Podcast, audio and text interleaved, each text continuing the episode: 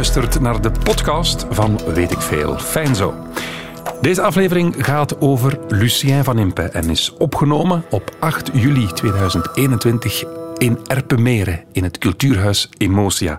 De verteller is Philippe Osselaar, maar Lucien komt ook langs. Veel plezier. Radio 1. Weet ik veel met Kopen Ilse.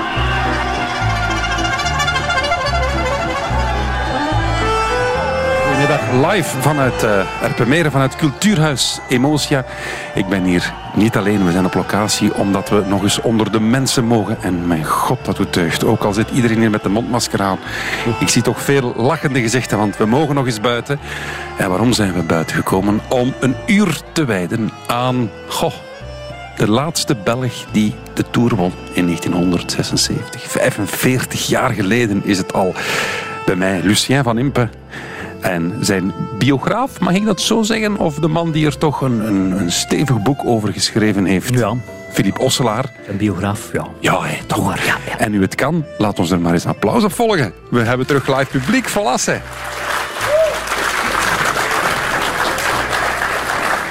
Dat doet deugd. Uiteraard verloopt alles coronaproof. Iedereen zit op een mooie afstand van elkaar, dus uh, we zijn veilig. Lucien, ik heb het daarnet al eens gevraagd. Zijn dat zo niet beu om altijd over vroeger te babbelen? Wauw, wanneer? Nee? Nee, nee, ik, heb, ik geniet er nog altijd van. Toch? Ah, dat is voor mijn plezier. Ja. Zullen we beginnen met de actualiteit? Wat was dat gisteren, zeg? Amai. Die Mont Ventoux. Prachtig, hè? Zijn dat dan flashbacks naar vroeger die je beleeft? Eh, ja, ik was wel een beetje jaloers als, als ik die bezig zag. Op, op, op de manier waarop. Die, die, die jongen die heeft zoveel kracht. En het draaide verschrikkelijk mooi. Hè. Dat was echt prachtig om hem bezig te zien. Dus, eh, Wat bedoel je met hij draait? hij draaide, ja. Hij is bijna geen enkele keer van de zadel geweest. Ik kon dat niet. Ik was er een beetje jaloers van. Ik moest... Die col die duurt 2, 3 of 24 kilometer. Ik zou zeker 10, 12 kilometer alle, alle danseuse geweest hebben. Ik, ik, ik moest recht staan altijd. Ik, ik wilde snel rijden altijd. En ik wilde... Ik draaide ook, heel klein, maar ik, ik wou van de zadel blijven. En hij bleef op die zadel zitten en alles kwam, al die kracht kwam uit de rug. En het was prachtig om hem bezig Maar is dat dan niet het verschil tussen Lucien van Impe, de rasklimmer, en Wout van Aert, eigenlijk de machtsmens? Dat is het ook. Hè. Ik zeg altijd, het is een groot verschil tussen de klimmer en dat is, dat is hij. Hij is een klimmer en, maar ik was een echte klimmer. Ja. En de- ik draaide nog iets kleiner en ik ging met souplesse naar boven. En in de bochten ging ik altijd versnellen en altijd proberen sneller te rijden. Hij bleef zijn eigen tempo rijden. Zelf wanneer het beetje minder lastig was, bleef hij op diezelfde, diezelfde versnelling liggen. En, en hij recupereerde een klein beetje. Dat was prachtig om hem bezig te zien. Dus je noemt hem ook een klimmer. Ik noem hem een klimmer. Nochtans. Hij weet het zelf misschien nog niet, maar voor mij kan hij zeker klimmen. Hij kan bergop. Want eergisteren wint hij bijna een massasprint, hè? Ja, ja, maar het is een sprinter ook. Hè. En het is een cyclocrosser ook. Hè. Hij, kan, hij kan in feite alles. Hè. Hij kan alles. Kon jij alles? Nee, ik was zeker geen sprinter. Nee? Ooit geprobeerd? Helemaal niet, nee. nee, nee ik, eh, ja, ik heb het nooit geprobeerd, maar ik, ik had er ook het, het gestel niet voor. Ik, ik wilde bergop rijden. Ik zou ook niet gewild hebben. Ik wilde bergop rijden. Ik Dat wilde was- klimmer zijn. Mooi zo. En het is, eh, het is je goed afgegaan, hè? Zes keer de bergprijs. Vier Ja. keer de bollen. Want Ja, de, de, de bolle, de, die trui die bestond maar van in 75. En, en, en eh, ik had al twee keer het bergklassement gewonnen. Maar ik denk, moest ik echt alleen daarop op, op toegelegd hebben, had ik het minstens tien keer kunnen winnen. Ja, ja, ik heb het ook een paar keer weggegeven. Hè. Maar ja, zes keer was genoeg. Want mijn idool, Frederik Obahamontes, die had het ook zes keer gewonnen. En ik Het was goed. content ik, ik zes keer gewonnen had. Dus jij, heel blij dat je hier bent vandaag. We gaan praten met, eh met Philippe Osselaar dit uur. En we gaan je op het einde nog even uitnodigen om te horen of hij geen leugens verteld heeft. Oei. Want jullie treden samen op, hè, als ik het we treden samen op. We zijn de langstdurende sportschrijversshow ter wereld. Ja, we doen hoeveel keer al, Lucien? 75 keer? Dikwijls, ja. Ja, Weet- 75 keer. Maar we hebben er nu nog een andere vedette ge- bijgenomen. Hè. Freddy Maartens en een band. Dus eh, ja, tot eh, 2022 zitten we vol. En mensen die dat willen zien, die vinden jullie wel online Die ergens? vinden ons online. We gaan het nog eens op Facebook zetten straks. Maar we vinden, ja, ze vinden ons. En we gaan heel het Vlaanderenland door. En we gaan, ja, we treden op. Goed zo. Maar eerst een uur exclusief voor de Radio 1 luisteraar. En voor de mensen hier in de zaal in Cultuurhuis Emotia in Erpenmeren. We gaan er zo dadelijk aan beginnen. Maar we beginnen toch met een... Ja, ik ben in, in het archief gedoken van de VRT. Ja, het is nogal veel als je Lucien van Impen tikt. Maar ik dacht, dit is wel een tofke om mee te beginnen. Fijn dat u luistert. Zijn zeer welkom bij Weet ik Veel. Win de Tour de France. Dan kan ze nog niet, hè? Wat gaat je allemaal doen morgen? Weet ik veel? Zeg het een keer. we doen morgen? Feestvieren ze. Veel vieren. En bloemetjes halen voor papa. En bloemetjes halen voor papa. Ik weet nog toen ik 18 was, kwam zij hier steeds voorbij. Smalle schouders, donker haar, haar ogen stonden blij. Maar voor we echte vrienden waren, ja dat duurde toch nog lang. We hebben nachtenlang gepraat, tot de morgen kwam. Ze zei toen... Rocky, ik was toch nog nooit zo verliefd. Ik weet niet wat er gebeurt. Want er komt toch wel meer bij kijken dan wat kussen en een flirt. Ik zei toen, kop op meisje, vertrouw op mij. Onze liefde is echt. Want als je mij een beetje helpt, komt alles wel terecht. We zochten toen een kamer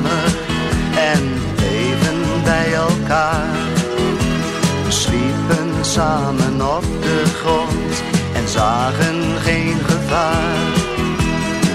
Onze harten bleven branden door de liefdesvlam. Tot ze op een dag vertelde dat er een baby kwam.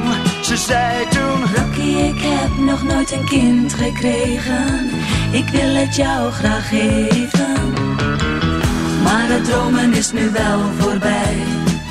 In ons jonge leven. ik zei toen, hop op meisje, vertrouw op mij. Al zal het moeilijk gaan. Ik help je toch, zo goed ik kan. We kunnen het samen aan. Ze schonk me toen een meisje. Oh, wat was ik trots op haar. We leefden in een paradijs en hielden van elkaar. Goede maar ook slechte tijden, we hebben alles gehad. Tot aan die dag dat ik horen moest dat zij niet lang meer te leven had. Ze zei me, Rocky, ik ben zo bang om nu al te sterven. En wat hierna dan komt. Is er dan soms een heel nieuw leven achter de horizon?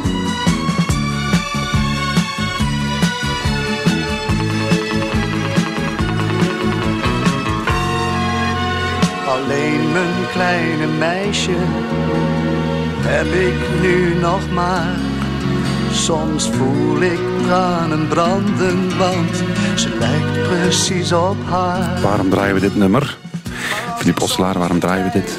Waarom draaien we dit nummer? Ja, dat is eh, de, hoe moet ik het zeggen, de lelijkste nummer 1. ja, zo is het toch, hè? En Ja. het jammer is natuurlijk dat er in 1976, ja, natuurlijk die prachtige zomer van Lucien, dat dat weken op nummer 1 stond. Hè. Dus waar hij ook maar kwam, in het zwembad, op café, eh, in het café van Lucien en zijn ouders, Ja. op de radio, op Radio 1, was dat. En dan nu Rocky van Don Mercedes. Dus het is een, ehm, een jammere herinnering aan Jammere een prachtige zomer. Maar toch, en toch, hè, Kobe, als je dat hoort, je moet gewoon even de ogen dicht doen en dan is het weer 76. Ja, ik was nog niet geboren, dus Oké. het is moeilijk. Maar je hoort Philippe Osselaar, het is de man die het boek Lucien schreef en is ook met Lucien op tour binnenkort weer om te vertellen over het leven. Want weet ik veel draait vandaag volledig rond de man die 45 jaar geleden als laatste Belg de Tour de France won. nieuwe gele truidrager Lucien van Impe. Dit keer waarschijnlijk voor goed. Ik hoop het, ik heb het gezegd. eh, voor, voor mij alles, uh, Larry, het is alles of niks hier vandaag. Ik heb aangevallen op het tweede call en ja, ik heb, ik heb gezegd deze morgen wanneer ik alleen geraak, eh, rijd ik alles of niks tot het einde. En ja, kijk, het is goed uitgekomen. eerst dacht ik, ik ga misschien stilvallen op de laatste call, maar toch, ik heb het kunnen goed uithouden. Je hoort het aan zijn accent ook, hè. Lucien is van Meren. Hij is van Meren, de kleine van Meren. Ja, dat is waar. Kan je schetsen, hoe, hoe is het allemaal begonnen? Is hij op de fiets geboren? Uh, is op de fiets geboren. Hij had ook eigenlijk moeten vragen aan zijn vader. Maar goed, die vader is er niet meer. Hè. Maar ik moet wel natuurlijk opletten met alles wat ik vertel. Want ik voel een zware verantwoordelijkheid op mij. Want de familie, de familie zit ook in de zaal. Dus ik ga toch over de broers beginnen. Want Lucien was een van de zes broers van Impe. En eigenlijk was er altijd wel de bedoeling dat er iemand in de familie coureur was. En Lucien was niet de uitverkorene. Dat is wel belangrijk. Nee, nee. Hij had twee broers die dat eigenlijk eerder zouden moeten doen coureur worden. Onze Filemon. Zo wordt dat gezegd tegen meer. Onze Filemon. En onze Filemon was een schitterende sprinter. Oké. Ja, dus geen klimmer, maar een sprinter. En... Een beer van een gast?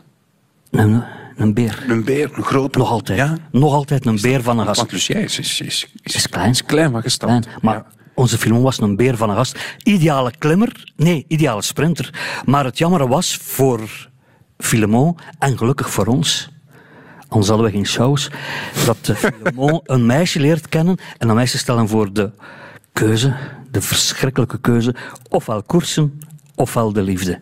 En onze Filemon kiest gelukkig voor de liefde. Weg coureur, en dan was er onze Marcel. Onze Marcel was de volgende uitverkorene, ideale coureur in de familie van Impe.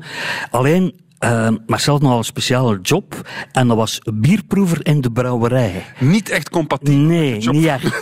dus je begrijpt. Uh, Marcel kreeg een beetje meer gewicht en dit en dat. En ik was ook uiteindelijk gelukkig voor ons voor zijn job als bierproever. En dat was dat Lucien. Dus het is omdat twee anderen zijn afgehaakt dat hij omdat er te weinig fietsen waren dan? Of gewoon omdat, omdat hij dan de kans kreeg? Hij kreeg dan de kans van eigenlijk wou je dat niet doen. Hè?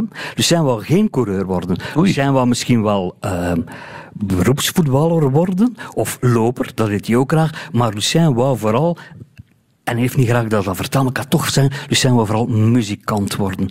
Want Lucien kan nu nog altijd schitterend over muziek praten. Hij voelt ook muziek. Hij weet of het vals is of niet vals. Ja. En eigenlijk wou hij misschien dat wel worden. Maar gelukkig voor ons was er op televisie in zwart-wit een beklimming. En was, wie zag je daar? Bahamontes en Charlie Gaulle.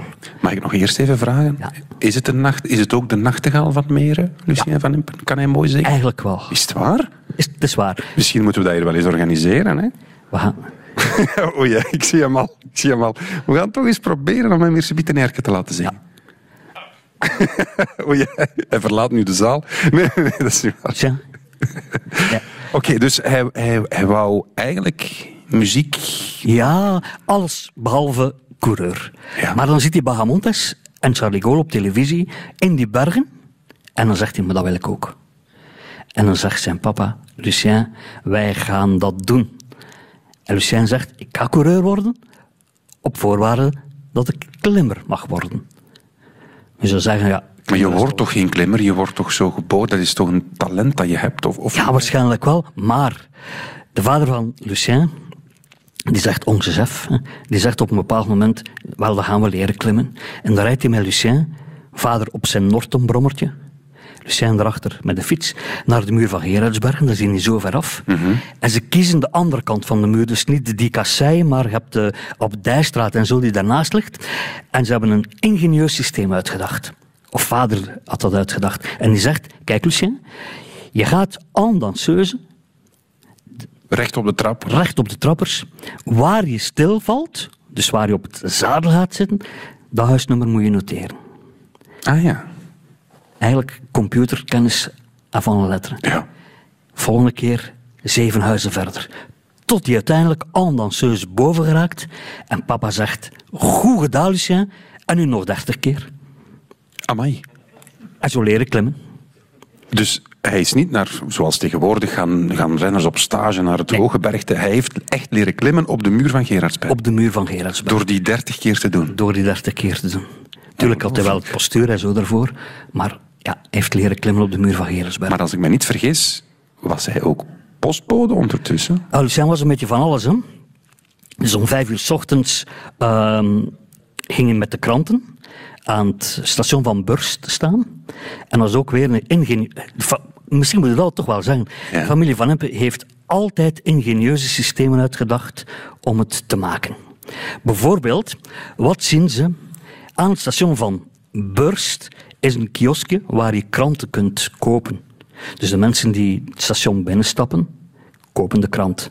Dus zegt de familie van Impe, als wij nu eens een tapijt voor het kioskje leggen, buiten aan het station, dan zien de mensen onze kranten en kopen ze die.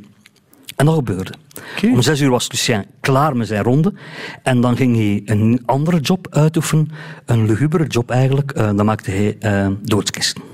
Hij maakte doodskisten? Hij maakte doodskisten. Ik kan dat goed. Lucien kan nu nog altijd fantastisch met materiaal en zo. Dus uh, Lucien maakte doodskisten. Als dat gedaan was, dan ging hij trainen. En als dat gedaan was, ging hij slapen. Of vechten met zijn broers, dat deed ze ook. In een café vechten. Gewoon. dat is nog iets als een ander, maar... Dus dat is dat. Ja, gewoon in een café vechten. En dan was dat zondags weer hetzelfde. En, en zo verder. En zo ging zijn, zijn leven verder. Dus je kan, ja, zeg maar. je kan de Tour winnen met een basis van doodskisten maken, kranten verkopen en dertig keer de muur van Gerardsberg voilà, Niks in de mixer en dan komt daar een toerwinnaar uit. Ja. Ongelooflijk. Was hij een geboren talent? Ja, eigenlijk wel. koersen bij de jeugd, bij de ja. juniores? Ja, toch wel. Want um, een van zijn eerste koersen um, is er in de buurt. Uh, de mensen die in Meer wonen weten in Oordegem. Dat is niet zo ver af. En Lucien moest, moest daar gaan koersen. De derde of de vierde koers uit zijn carrière. En um, hij moest daar eigenlijk om drie redenen gaan koersen. Als je ziet... Op Oordegem ligt Oordegemberg. Dat is niet hoog, maar goed. Voor een kleine coureur van 14, 15, 16 jaar is dat een beetje omhoog. Dus dat is klimmen eigenlijk. Ten tweede, vader Jeff kon eigenlijk dan mee met zijn Norton, was niet zo ver. En dan moest hij zijn café niet te snel sluiten, dan had hij veel tijd. En dan gingen ze mee samen naar uh, Oordegem rijden. En ten derde, dat is misschien nog wel de belangrijkste reden, er was een taart met crème fraîche te winnen. dus die drie dingen samen maakten... Als dat geen, uh, geen doel is. Alleen waren ze wel net maar op tijd om achteraan aan te sluiten in het peloton. Ze hadden iets te lang gewacht. En het peloton stond eigenlijk al klaar. Allee, peloton, de vier anderen, want er waren er maar vijf in totaal. Die, die gingen rijden, die koers. Dus je had één kans op vijf om een slagroomtaart te vinden? Wel ja, één kans op vijf is misschien moeilijk uitgedrukt, want één van die vijf had zich mispakt van gemeente. Hij dacht dat hij in Oosterzelen stond, en dat is helemaal plat. En in Oordegem had die berg. Dus na ronde waren er maar vier meer over. Ah ja, oké. Okay. Na, na twee ronden brak het peloton in twee stukken. dus twee vooraan en twee achteraan. Dus hij was één bij die twee eerste. Ja? En die tweede um, had de laatste ronde uh, een lekke band. Dus eigenlijk wint Lucien vrij gemakkelijk zijn eerste koers. Alleen dat is wel een probleem. Ze moesten nu naar huis gaan zeggen dat ze een taart gewonnen hadden, dat Lucien de koers gewonnen had en dat er maar vijf man was. Dat is eigenlijk nogal tristig natuurlijk voor om dat te vertellen in het café thuis. En ze hadden daar een plan op gevonden, papa en Lucien zelf. Ze zeiden, uh, we gaan zeggen dat er vijftien waren. Dat is toch een iets mooi peloton. Alleen als ze vergeten dat de supporters die daar stonden, ja. al in het café waren. En dus die gingen daar zijn. Straks is de klein hier. Jongens, je moet nu wel weten, het waren er maar vijf. Dus eigenlijk is dat met die valikant afgelopen. Maar Lucien won dus. Hè. Lucien won. Hij won bijvoorbeeld de ster van de amateurs hè, in Aardslaar. Dat was een grote koers en er won hij een auto. Wat blieft? Een auto. En Lucien dacht, nu ben ik vertrokken. Mijn krantenronde met een auto en zo. Maar dat was niet waar. De auto was voor thuis. En Lucien moest verder met de fiets zijn krantenronde doen. En dan naar de doodskisten. Want zo wordt je coureur natuurlijk. Hè. En hij is, als ik het niet vergis, hij heeft wel in die tijd ook Roger de Vlaming geklopt, hè? Tuurlijk. Ja, tuurlijk. Dat... In de tijd van Roger klopte Lucien Roger. Ja, ja. Want bij, het was bij de junioren zeker, hè? En dus dus bij junioren, bij amateurs, dat deed Lucien dat, maar ook bij de profs. Hè.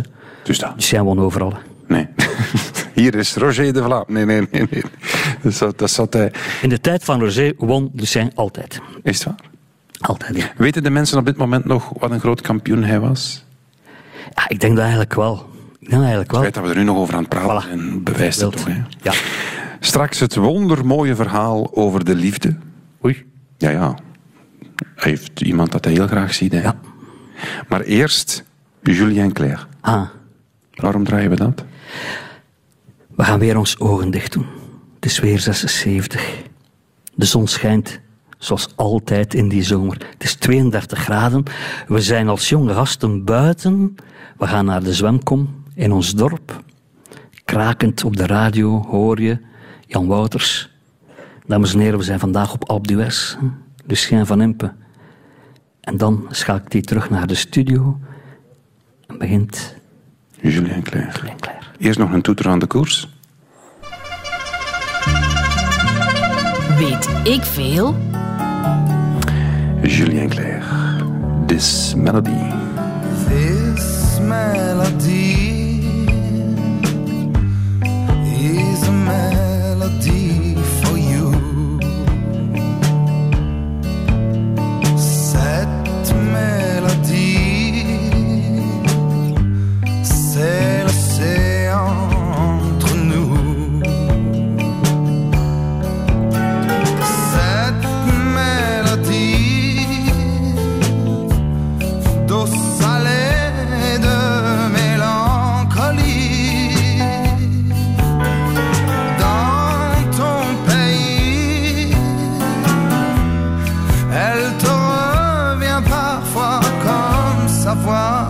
comme ça.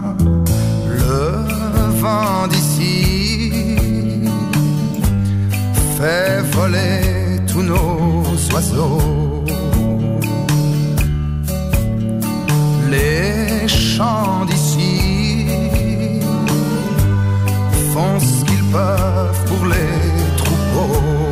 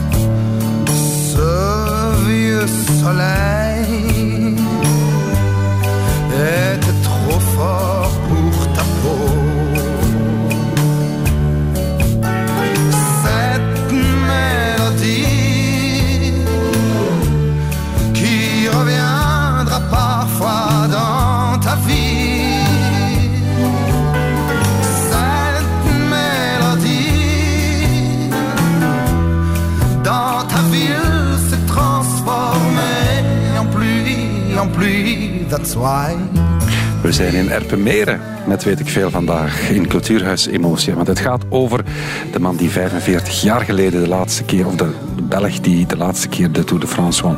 45 jaar geleden, 1976 was het, amai zeg. Lucien van Impe, daar gaat het over vandaag. Philippe Osselaar is hier bij ons, Lucien ook, zit in het publiek aandachtig te luisteren. Maar Philippe voert het woord, want hij weet er eigenlijk alles van. Hè. Jullie kennen elkaar al lang? Ja, we kennen elkaar al vijf jaar ondertussen. En weet je wat de mooiste momenten zijn soms? Dat zijn de momenten als we zo naar een show toe rijden of als we terugkomen. Dan praten we over andere dingen. Maar behalve na terugkomen, bij terugkomen, dat weten weinig mensen, maar ik kan u toch vertellen, dan krijg ik altijd een debriefing van Lucien. Ah, oké. Ja. En Lucien zegt, kijk, dat was goed. Hier heb ik iets laten liggen, dat komt beter. Oh. En ik leer daaruit. En de volgende show is dan nog weer beter. Maar bij de debriefing blijkt dan toch... Dat is de kopman, hè. Dat is de kopman in Lucien die boven komt. Hè. Zou hij het goed vinden als we even over, zijn vrouw praten? Ik denk het wel. Ja, over ons Rita. Ons Rita. We hebben een... Lucien, we hebben fantastische dingen gevonden in het VRT-archief. Ehm, we horen ons Rita over Lucien. Het was een mooie jongen, het was een, het was een lieve jongen. Maar dat was in feite niet echt, niet echt mijn gedacht. Weet ik veel. Ah, nee, ik kon daar niet direct verliefd op worden. Oei. Oei, ja. Ja. Gewoon, ik kan dat wel begrijpen. Allee, niet, niet dat ik verliefd zou worden op Lucien, maar ehm, dat Rita dat zegt, ik kan dat begrijpen. Hè. Want je moet weten, de eerste ontmoeting, ons Rita had een familielid die voor kapper studeerde. Ja. En Rita was daar. Nu, Lucien, die wou bij de kapper, omdat hij op een bepaald moment zwaar gevallen was, maar dat is een ander verhaal. En hij moest hem eens laten, ja, weer een beetje fatsoeneren. Nu, hij gaat naar dat, eh, naar die kapper. En ons Rita zit daar. Nu, je moet weten, op het moment was ook de tour bezig. En dus jij moest natuurlijk de uitkomst of de, de aankomst zien van de tour, de arrivée op de tour. En ehm, goed, eh, dat meisje zit daar, hij kijkt er wel naar, een mooi blond vrouwtje. En zegt hij tegen de, de kapper, eh, ik zou nu eigenlijk wel naar de koers willen kijken. Dus hij doet dat. En Rita zit naast hem, komt een beetje dichter, nog een beetje dichter. En Lucien zegt, ja, het is bijna zover, het is bijna zover. Hij wil eigenlijk zeggen, de aankomst van de koers, nog één kilometer, nog één minuut. En Rita zegt, amai, wat is dat voor een ja, rare ventje, godverdorie. Maar goed, Ehm, ze houdt hem toch in haar hoofd. En ze zegt uiteindelijk tegen de kapper: Goh, ik zou dat ventje toch nog wel een keer willen terugzien. En Lucien denkt toch: ik zou dat vrouwtje toch wel een keer willen terugzien. En hij komt te weten dat ons Rita v- voor kinderverzorgster isoleert in Evergem. Lucien denkt: ideale trainingsrit naar Evergem. Ik naar Evergem. Ik naar Evergem, maar Kobe, eh, Evergem is groot. Heel groot. Want Lucien vindt Rita niet in Evergem. Hij blijft daar rondrijden en doen en zo. En goed, dat lijkt ten dode opgeschreven. Tot ons Rita zegt, als we nu van de winter toch een keer met dat ventje zouden uitgaan en gaan luisteren naar een optreden van Joke Harris. Allee, Joke is Joe Harris geworden. En ze dansen daar en ze blijven dansen ondertussen 51 jaar. Dus Lucien heeft eigenlijk veel verborgen talenten die tot ontplooiing komen in de sfeer en in de aanwezigheid van een mooie blonde vrouw. Nochtans. Oei. De dag dat wij trouwden voor de wet, dat was een dag voor, voor de kerk, eh, is die van, van, van Frankrijk nog afgekomen. Die was niet thuis. En hij is, dan, hij is dan een uur of twee te laat gekomen. Hij was te laat. Lucien toch. Ai. Maar het mocht. Mocht. Het mocht, ja. Het is gepasseerd. Het is gepasseerd, want er was ook al iemand op, op komst uiteindelijk. Hè. Dus eh, daar was Lucien, eh, hoe moet ik het zeggen, eh, niet laat geweest. Dus, Te vroeg is ook niet goed. Nee. Laat ons nog eens teruggaan naar de sportman. Dus ja. we hebben al geleerd dat hij eigenlijk ehm, door zijn vader leert klimmen op de muur van Gerardsbergen. Hij, hij rijdt met de fiets om de kranten rond te brengen. Hij doet nog jobjes. Eh, hij moet hard werken, denk ik, om, om er te geraken. Maar wint dan wat koersen ja. in zijn jeugd. Vanaf wanneer wordt het menens? Ja, op een bepaald moment wordt dat dus wel duidelijk dat Lucien kan klimmen, dat hij goed bergop kan. En hij wordt eh, uitgenodigd voor de Belgische ploeg voor de Ronde van de Toekomst, Tour d'Avenir, eigenlijk de kleine Ronde van Frankrijk. Toen was dat eigenlijk hetzelfde parcours, maar iets korter van de Ronde van Frankrijk. En in 67 blijkt dus eigenlijk al dat hij kan klimmen. Maar Lucien maakt daar dan eigenlijk al de inschatting van, goh, een berg die ligt daar en daar wil ik als eerste boven komen. En dat deed hij. En de volgende berg deed hij dat weer. En hij vond eigenlijk van, goh, ik kan eigenlijk bijna spelen met mijn tegenstanders. Dan lijkt dat ik dat kan. Wauw, hoe mooi is dat? Op een bepaald moment wordt hij omvergereden door een Franse coureur. Die man rijdt hem letterlijk in de wielen. Hij gaat dat later in zijn carrière nog figuurlijk doen, in zijn wielerrijden. Maar hij valt verschrikkelijk. Een verschrikkelijk ongeval. Het verhaal doet de ronde dat zijn ene schoen in Spanje lag en zijn andere in Frankrijk. Een verschrikkelijk geval. Maar hij gaat naar huis en hij denkt, ik kan dat, ik kan klimmen. Hij gaat verder, het jaar nadien weer van dat. En in 1969 mag hij naar de Ronde van Navarra. En de Ronde van Navarra dat is voor de Spanjaarden eigenlijk de koers waar ze iemand worden of niet worden. Ah, ja. Dus jij wint daar alle ritten. Allemaal. Of bijna allemaal, want in de laatste rit staat hij op kop en wordt hij in de gracht geduwd door die Spanjaarden die daar niet tegen kunnen dat dat jong ventje uit Vlaanderen eh, al die ritten wint. Maar hij denkt, oh, verdorie, ik kan dat, ik kan dat. Het is ondertussen 69. Straks komen de mensen op de maan en Eddy Merckx gaat de Ronde van Frankrijk winnen. Hij gaat naar huis. En voordat hij naar huis gaat, wordt er op zijn deur geklopt. En zegt die receptioniste van het hotel, kom eens beneden, eh, meneer Lucien. Er is daar iemand die jou wil zien. En wie zit daar? Federico Bahamontes. Zijn groot, Zijn groot. reden dat hij begon te koersen. Ja, en die zit daar en die man zegt tegen hem: Lucien, jij wordt mijn opvolger. Onthoud dat ventje. En Lucien denkt: ja, dat zal wel. Keert naar huis en twee weken later begint hij telefoontjes te krijgen van al die sportdirecteurs die zeggen: maar dat ventje, dat willen wij in de ploeg, want Bagamontes heeft dat verteld. En inderdaad, Lucien krijgt een ploeg. Een Franse ploeg, want zijn vader had geëist dat een Franse ploeg was waar ze de Ronde van Frankrijk kunnen mee rijden. Lucien tekent dat contract en denkt, ja, over een jaar of twee zal ik eens mogen starten in de Ronde van Frankrijk. Maar nee, dat is een week later al. Dus een week na zijn eerste contract moet hij starten in de Ronde van Frankrijk. Hij had geen truitjes, hij had geen fiets, maar hij was er klaar voor. En hoe oud was hij toen? 24. 22 wordt hier gecorrigeerd vanuit de zaal. Dankjewel, Lucien. dat hebben we dan, hè, als het onderwerp in de zaal zit. Dus we, we knippen dat dan, we zeggen... Ja, het is niet live, het is niet live. De- Dus, en hoe oud was hij toen? 22. 22, ja. En Lucien start in die ronde van Frankrijk van 69. Ehm, en ik denk, ja, er ligt een bergje in de eerste rit, zo, een klein bergje. Ik kan ontsnappen, hè. Ja, ik ben dat gewoon, om op de berg te ontsnappen. En wordt direct eh, teruggepakt door een andere coureur die daar ook zijn eerste ronde van Frankrijk rijdt. En dat is Eddy Merckx. En die zegt, wacht, wacht, wacht, wacht, kleine... eh, zo niet, hè. Zo Ja, gebeurt het niet. ja, ja. Goed, en Lucien wordt dus de twaalfde. Twaalfde in zijn eerste ronde van Frankrijk. Dus, Dat is toch eigenlijk... eigenlijk zijn eerste koers in, in zijn prof, profcarrière. Ja, en vanaf wanneer begint hij dan die bergprijzen te, te winnen? Dat is vlakker. Direct eigenlijk daarna. Hè. Dus eh, dan begint hij de bergprijs te winnen, 71 en zo verder, 72 begint hij. Dan heeft hij in zijn minder jaar waar het hij zwaar valt en zo. Maar goed, dat, dat lijkt dus allemaal te lukken. Hè. Alleen ziet hij wel, en dan zien de, vooral de supporters en de kranten, de journalisten, "Goh, Lucien die speelt met die bergen. Waarom gaat hij nu een keer niet voor de volle winst? hè? Maar hij vond dat denk ik blijkbaar een beetje leuker, zo'n beetje op zijn Bahamontes. Een berg zien, klimmen, ingehaald worden, volgende berg weer. En hij wint de bergprijzen. Ja, dat begint. Was het toen ook al dat, dat zoals vandaag, dat eh, de, de- als je de Tour wil winnen, moet je ook vooral een goede tijdrijder zijn? Was dat toen ook al? Of, of was het toch meer in de bergen dat het werd beslist? Ja, dat was natuurlijk wel zo dat je goed moest kunnen klimmen. En Lucien begint dat op een bepaald moment te beseffen. Dat was in 75 bijvoorbeeld, dat hij ziet van, hé, ik ben een heel erg goede klimmer. Ik win bergprijzen. Maar in 75 wint hij de lange tijdrit in de Ronde van Frankrijk bij. Voilà. Rond de 50 kilometer.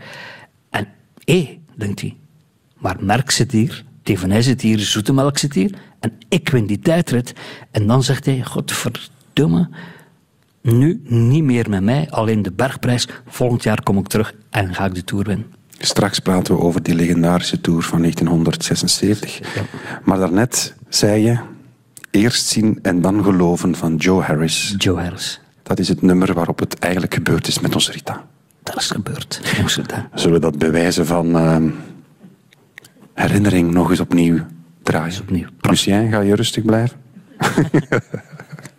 Joe Harris. Speciaal voor Lucien van Impe.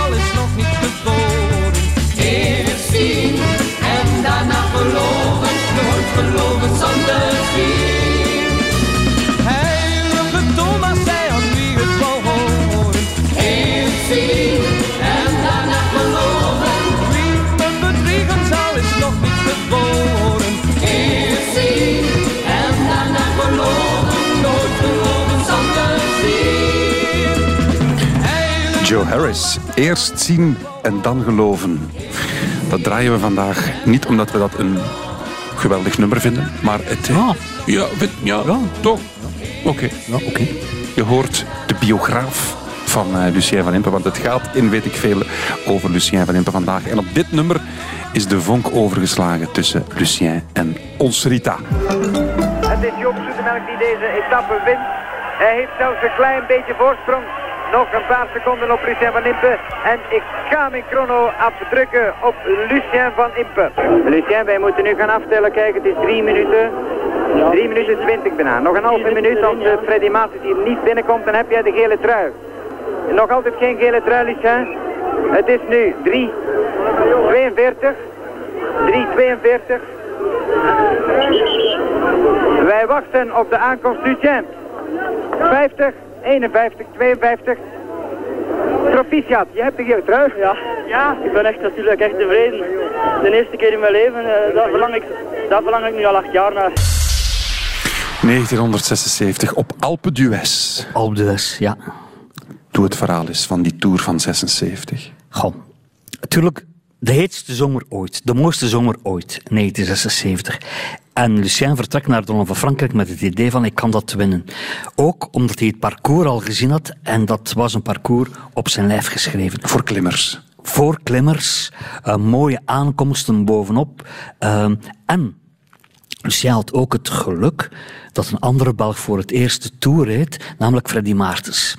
En Freddy Maartens die won in dat jaar eh, eigenlijk alles eh, waar maar iets te winnen was. Dus Freddy wint de eerste rit, de wint de tijdrit, wint de proloog. En Freddy heeft acht dagen lang al de gele trui. Dat is natuurlijk goed voor Lucien, want dan hoeft hij niet het gewicht van de koers te dragen. Freddy doet dat wel. En dan komt de rit naar Alpe d'Huez en Lucien denkt, dat is vandaag mijn rit. En voor de start zegt Lucien tegen Freddy, die gele trui die je daaraan hebt, die is vandaag van mij. En Freddy zegt, ah, wil jij hem nu al hebben? Pak hem maar. Maar Lucien zegt, ik ga ervoor rijden. En naar Alpe d'Huez slaagt hij erin, laat zijn ploeg goed rijden en op Alpe d'Huez gaat hij het doen. Eerste bocht, tweede bocht, derde bocht. En Lucien ziet, ze zakken allemaal uit mijn wiel weg. Er blijven er nog twee over. Michel Pollentier, die hangt eraan, zakt weg. 1 meter, 2 meter, 3 meter, komt terug en valt weg. Dan nog natuurlijk Lucien met zijn goede vriend, onze Nederlandse vriend Joop Zoetemelk. En Zoetemelk die neemt niet over. Lucien heeft heel die beklimming op kop en Zoetemelk wil niet. Want, zegt hij, mijn kopman, Raymond Poulidor, die komt er nog aan. Maar Poulidor die kwam niet. Zoetemelk is aan het spelen. En Lucien denkt, als ik hem nu kan overhalen om toch op kop te komen, dan kan ik straks de rit winnen. Maar Zoetemelk doet dat niet. Tot de laatste twee kilometer doet hij dat wel. En dan voelt Lucien nattigheid. En denkt, oei. Die Hollander is nog Die Hollander is er, godverdorie, toch nog. Laatste bocht. Lucien en Zoetemelk. Zoetemelk gaat over Lucien en wint. Maar Lucien moet zich nog rappen, want elke meter is bijna tijdverlies. Ah ja, natuurlijk. En hij houdt het nog. Hij houdt er nog een aantal seconden over, maar wint niet op Alpe d'Huez. Eigenlijk heeft Lucien nooit gewonnen op Alpe d'Huez. Dat is een beetje raar natuurlijk. De beste klimmer aller tijden. En hij heeft nooit gewonnen op Alpe d'Huez. Is dat iets wat snijdt bij hem? Want je wint wel die gele trui daar. Dus de, de, de Ja, dat is natuurlijk wel dubbel. Hè. Hij wint de gele trui. De eerste in acht jaar beroepsrenner. En toch wint hij niet op Alpe d'Huez. Maar Lucien heeft dat simpel opgelost. Als ik niet win op Alpe d'Huez, dan komt Alpe d'Huez naar mij. En zijn villa heet gewoon simpel Alpe d'Huez. Is het waar? Is, ja. Eigenlijk zijn de oplossingen simpel in het leven. Als ik niet win, dan noem ik mijn Villenaar Alpe d'Huez. Hoe verloopt de rest van die Tour van 76? Want ja, je, je krijgt dan die gele trui. Wordt hij nog aangevallen? Is het een heroïsche strijd geworden? Of was hij gewoon veruit de beste? Lucien was de beste. En toch staan twee dagen later de kranten vol van hoe is het mogelijk? Is nu voor het eerst na acht jaar de gele truidrager en toch gaat hij het nu weer verliezen. Want vandaag, precies 45 jaar geleden, op 8 juli, heeft Rita in haar leven nog nooit zo hard gevloekt als toen, s'avonds. Want Lucien geeft zijn gele trui gewoon af. Hij zegt, ik ga mij niet meer moeien in de debatten. Laat Raymond de Lille, de Fransman, maar ontsnappen. Mijn ploeg is niet sterk genoeg. Laat ze maar doen. En die man neemt minuten en minuten voorsprong. Natuurlijk zware paniek bij de ploeg van Lucien. Maar zijn sportbestuurder, die had een plan. Lucien denkt, er komen nog ritten. Ik ga dat wel klaarspelen. Maar de grootste paniek zat uiteindelijk bij de cafébazen in Meren. Want zij hadden alle bier dat voorhanden was in Vlaanderen al laten afkomen. En wat moesten ze daar nu mee doen? Want Lucien was de, de, de hele trui kwijt. Dus zware problemen. Dus Rita belt in paniek s'avonds naar Lucien. God, mm, wat zij gaan allemaal aan het doen? En Lucien denkt, oké, trui kwijt, maar over twee dagen is mijn rit. En dat doet hij dan. Naar Pladadet, schitterende beelden, prachtige beelden. Lucien wint, minuten voorsprong. Alleen zit hij s'avonds bij de communiqué. Oei, ik heb een fout gemaakt. Want heel mijn ploeg is buiten tijd toegekomen. Oesje. En dat is natuurlijk wel lastig. Hè? Dat je nog met één ploegmaat overblijft tot in Parijs. Dus hij had zo hard gereden dat heel de Zo hard gereden dat er, ik denk, uit het blote hoofd werd 47 coureurs buiten tijd waren. Maar dat ging natuurlijk niet. Je kunt moeilijk met een groepje van 15 man eh, in Parijs komen.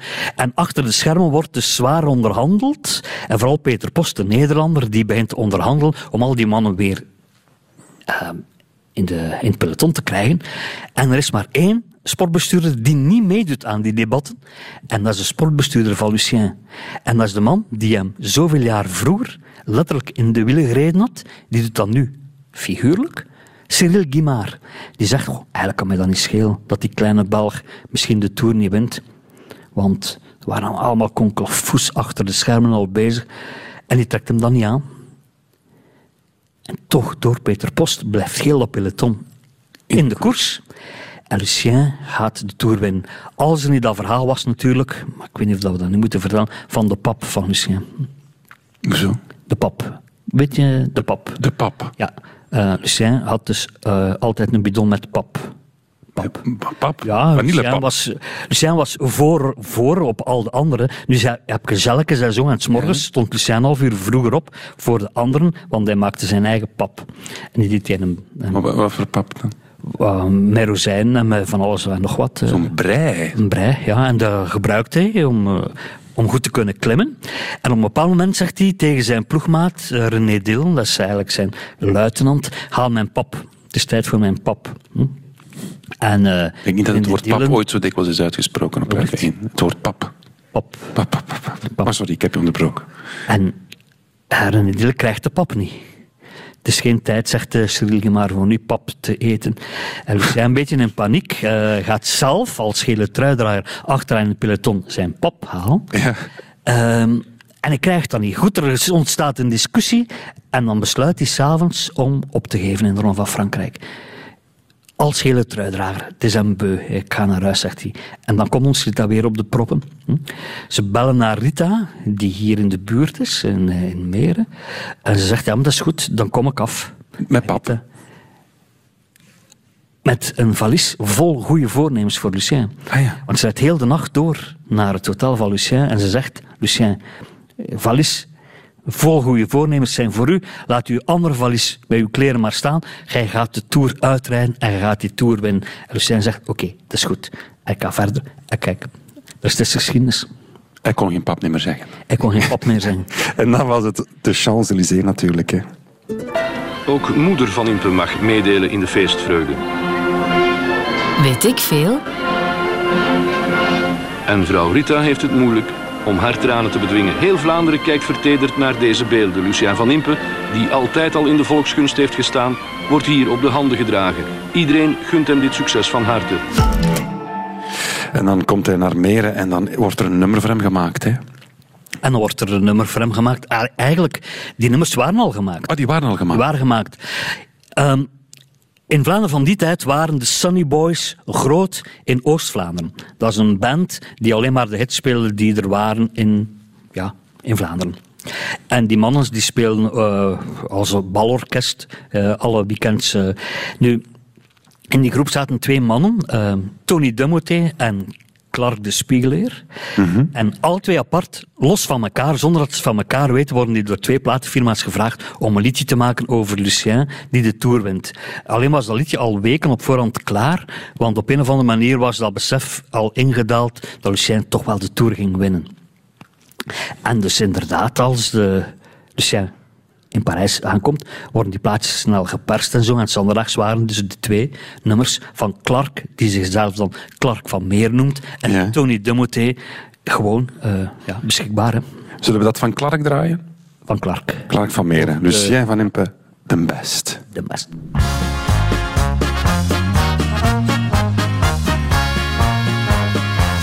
Lucien van Imp, de beste. En Thévenet, de leste. Zijn gele trui is een beetje gruut. Maar hij geeft ze allemaal op hun bruut. Lucien van Imp, de beste. En zoete melk, de leste. Die zit in dat is niet gezond. Voor de zweren op zijn Viva Lucien.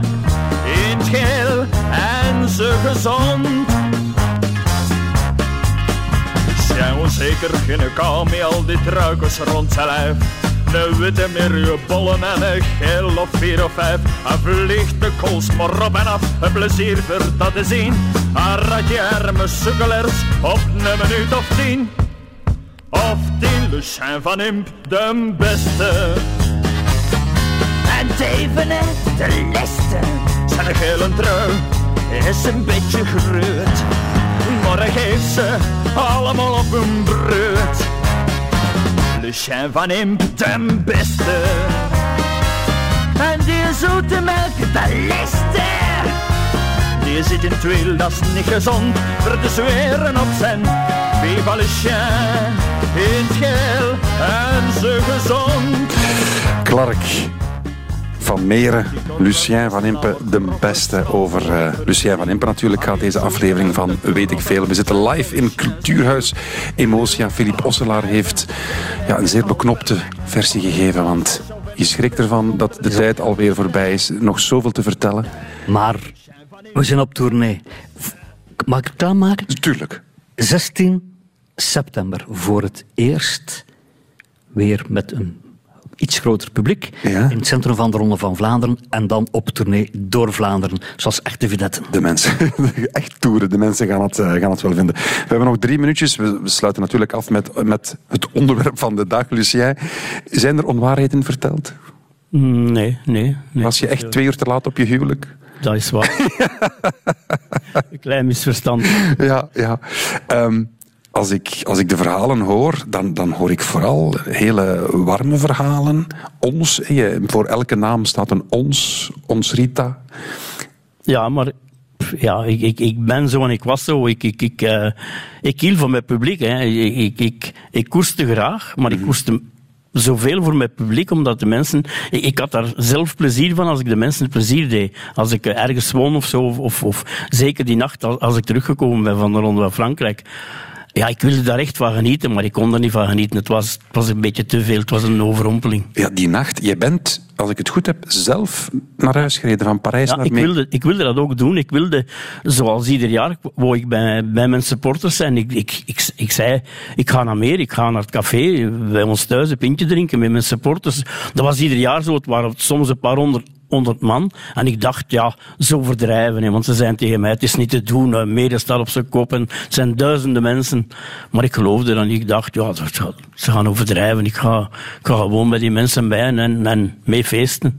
Maar ik kon dat niet, het was een beetje, een beetje te veel. Weken aan een stuk naar het schijn. Ja, het heeft weken geduurd. Tot, tot een week of drie later ben ik hier moeten vertrekken. In feite, de politie is komen vragen om niet meer naar huis te komen, om ergens anders blijven te slapen. Kon- Het mo- je mocht niet meer binnen. het kon, nee, nee, de mensen die bleven eh, voor de deur, bleven die gewoon dag en nacht eh, daar zitten. Schoonste tijd van uw leven, 76, als je er nu op terugkijkt, is dat, is dat uw...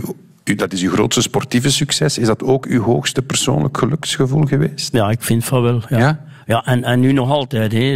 Het is nu 45 jaar. Ik heb nooit gedacht dat dat, dat, dat zo lang zou duren. En het is Dat je de 45 laatste Belgische winnaar was, wil je Ja. zeggen. Ja, ja ik, ik, ik hoop dat ik het nog mag meemaken, maar eh, het is niet gemakkelijk die ronde van Frankrijk winnen. Doe eens een voorspelling. Die, we spreken nu van... Ja, wij hebben nu iemand. Hè. Wij hebben eh, Evenepoel. Iedereen denkt Evenepoel gaat de ronde van Frankrijk winnen, maar ik, eh, ik weet het niet. Hij zal, hij zal toch nog iets moeten verbeteren per hoop, denk ik. Mhm. En zou het ergens ook pieken als je niet meer de laatste Belgische winnaar zou zijn, of niet?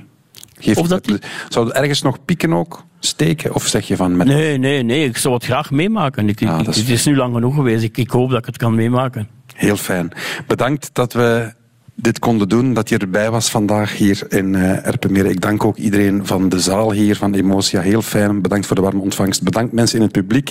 Bedankt Filip Osselaar. En morgen gaat het, en weet ik veel, weer over iets helemaal anders. Radio 1. Weet ik veel? Dit is het einde van deze podcast van Weet ik Veel. Weet ik Veel is trouwens een programma van Radio 1. Op radio1.be vindt u nog veel meer.